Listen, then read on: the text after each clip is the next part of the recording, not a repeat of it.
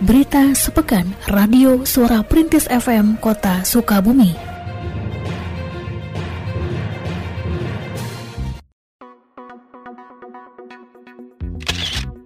Dinas Kesehatan Kota Sukabumi menyelenggarakan aksi remaja cegah stunting yang diikuti oleh ratusan pelajar SMP dan SMA di Lapang Merdeka pada hari Senin 30 Mei 2022. Aksi yang dihadiri oleh Forum Komunikasi Pimpinan Daerah tersebut diikuti pula secara virtual oleh 140 SMP dan SMA sekota Sukabumi. Kepala Bidang Promkes Dinas Kesehatan Dr. Gigi Wita Darmawanti dalam laporannya menyampaikan bahwa tujuan dari kegiatan ini di antaranya adalah mendorong keterlibatan berbagai pihak dalam pencegahan stunting. Selain itu, juga untuk meningkatkan derajat kesehatan remaja putri, salah satunya lewat pencanangan minum tablet tambah darah yang dilaksanakan pada aksi tersebut. Sasaran kita yang namanya mencegah stunting, stunting dari hulu itu adalah remaja. Nah, remaja putri yang harus disiapkan menjadi calon ibu kan nantinya supaya nanti ketika mereka beberapa tahun yang akan datang menjadi ibu, mereka sudah siap dan sudah e, membiasakan diri di setelah mereka e, keluar sekolah itu e, di masa-masa persiapan calon pengantin mereka sudah hafal bahwa mereka harus mempersiapkan diri dalam kesehatan e, dirinya, terutama kesehatan reproduksinya ya yang berkaitan dengan e, supaya mereka tidak kekurangan energi uh, kalori dan protein supaya nanti pada saat mereka uh, hamil melahirkan itu melahirkan anak-anak yang sehat tanpa stunting lagi. Sedangkan Wali Kota Ahmad Fahmi menerangkan bahwa aksi ini sejalan dengan target pemerintah Provinsi Jawa Barat yakni mewujudkan zero new stunting pada tahun 2024. Salah satu upaya yang harus dilakukan adalah dengan memberikan kesadaran kepada para remaja untuk ikut berperan aktif dalam pencegahan stunting.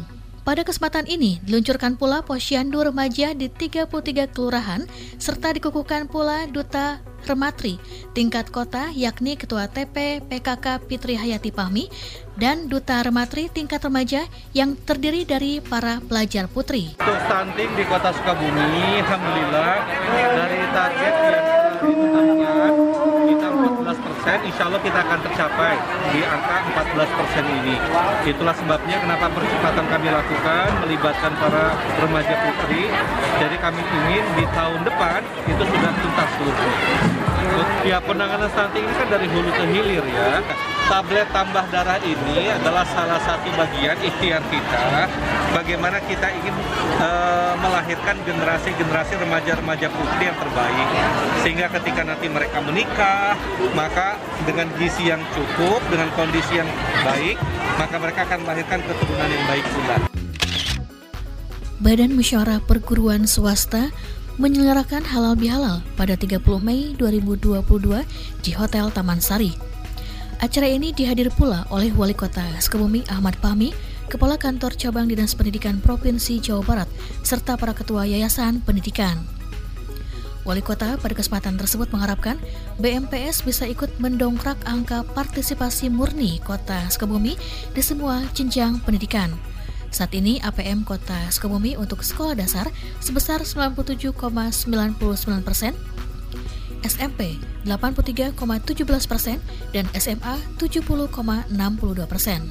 Sedangkan Ketua BMPS Asep Deni mengatakan ada empat tujuan yang ingin dicapai dalam kegiatan halal bihalal seperti menjalin silaturahmi antara pengurus BMPS dan badan penyelenggaraan atau pengurus yayasan yang memiliki lembaga pendidikan swasta kemudian membangun sinergi dan soliditas dengan pihak pemerintah serta pemangku kepentingan lainnya. Diungkapkan pula bahwa dari kegiatan ini diharapkan akan terbangun visi yang sama untuk meningkatkan kualitas pendidikan di kota Sukabumi. Ada tujuan, ada empat tujuan dilaksanakan halal bihalal hari ini. Yang pertama adalah pertama membangun silaturahmi antara pengurus BMPS dengan para pengurus badan penyelenggara. Yang kedua adalah membangun uh, sinergi dan soliditas dengan para pihak terutama dengan pemerintah daerah.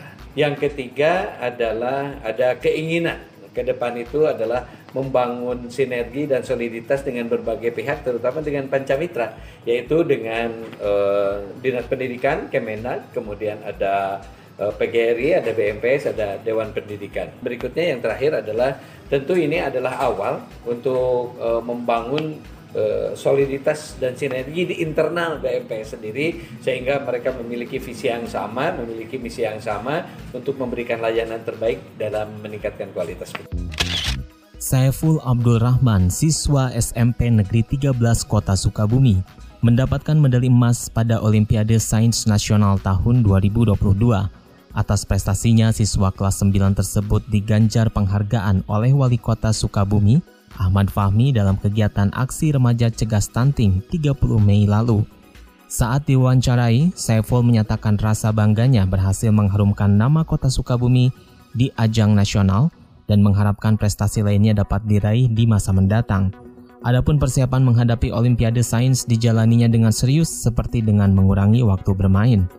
Sedangkan Kepala SMP Negeri 13 Jaja Jahidin mengatakan dalam mempersiapkan siswanya untuk turun di ajang nasional tersebut, pihaknya bekerja sama dengan komite sekolah memastikan segala hal yang diperlukan dapat berjalan dengan baik. Uh, kebetulan memang ini udah kita bimbing ya, kemudian juga kita arahkan baik itu di sekolah maupun di rumah juga dengan les tambahan terkait dengan Olimpiade Sains IPA-nya gitu ya. Sudah dilaksanakan kemarin itu yang pertama dia juara dua di tingkat provinsi, kemudian kita latih lagi dan ternyata bisa juara satu di tingkat nasional sekarang medali emas di Yogyakarta kemarin. Ah, karena ini kelas 9 ya, jadi kami lagi juga mendidik atau juga apa namanya itu menyiapkan lah. Kelas 7 dan 8 untuk regenerasi berikutnya ke depan supaya mereka juga mengikuti jejak ini kakaknya yang kelas 9 ini. Hingga bulan Mei lalu, tren investasi di kota Sukabumi mengalami peningkatan dibandingkan tahun sebelumnya pada periode yang sama. Hal ini diungkapkan oleh Kepala Dinas Penanaman Modal dan Pelayanan Satu Pintu DPMP TSP, Didin Syarifuddin, saat ditemui di kantornya pada hari Kamis 2 Juni 2022. Kenaikan ini di antaranya dipicu pembangunan infrastruktur transportasi yaitu tol Bocimi, serta membaiknya situasi pandemi COVID-19. Dijelaskan lebih lanjut, para investor menanamkan modalnya di kota Sukabumi dalam berbagai sektor usaha, seperti perumahan dan pertokoan. Adapun untuk target investasi tahun 2022 menurut Kepala DPM PTSP berada pada kisaran nilai 200 miliar rupiah, tidak berbeda jauh dengan tahun sebelumnya. Namun ia merasa optimis target tersebut bisa terlampaui seperti halnya pada tahun lalu dengan realisasi di kisaran 3,4 triliun rupiah. Kepala DPM PTSP mengharapkan masuknya berbagai investasi ke kota Sukabumi dapat menyerap banyak tenaga kerja lokal sehingga naiknya angka investasi berdampak positif pula dengan menurunnya angka pengangguran.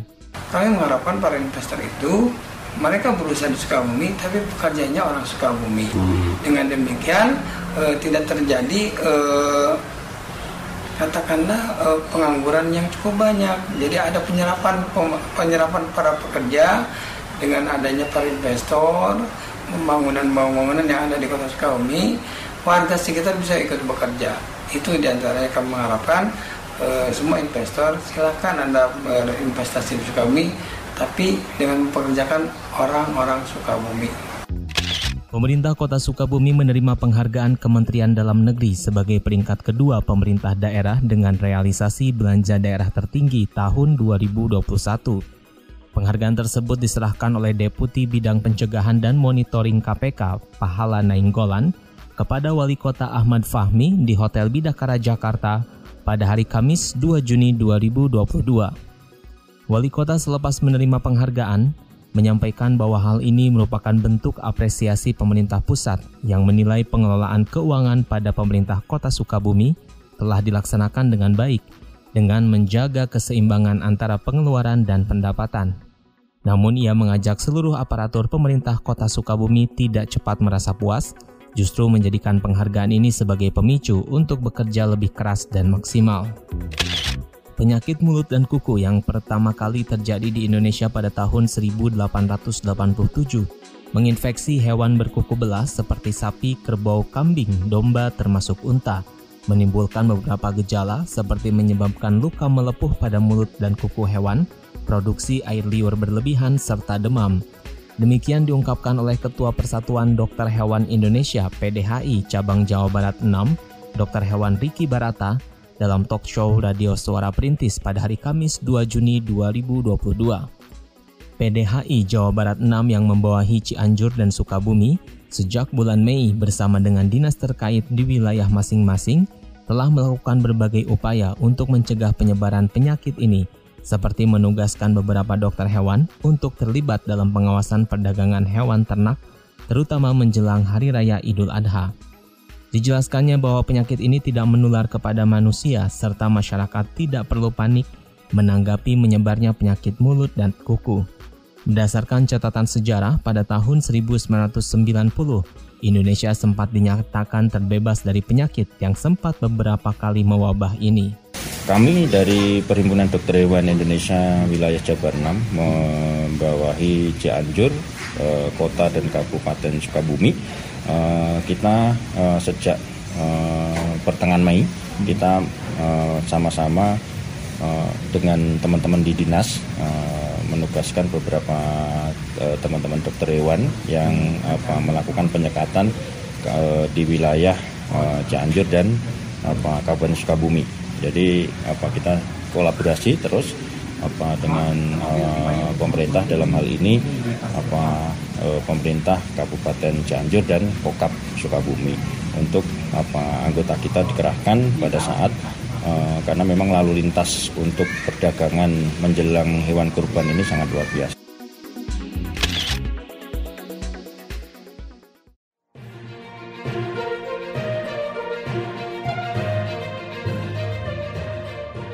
Berita sepekan Radio Suara Perintis FM Kota Sukabumi.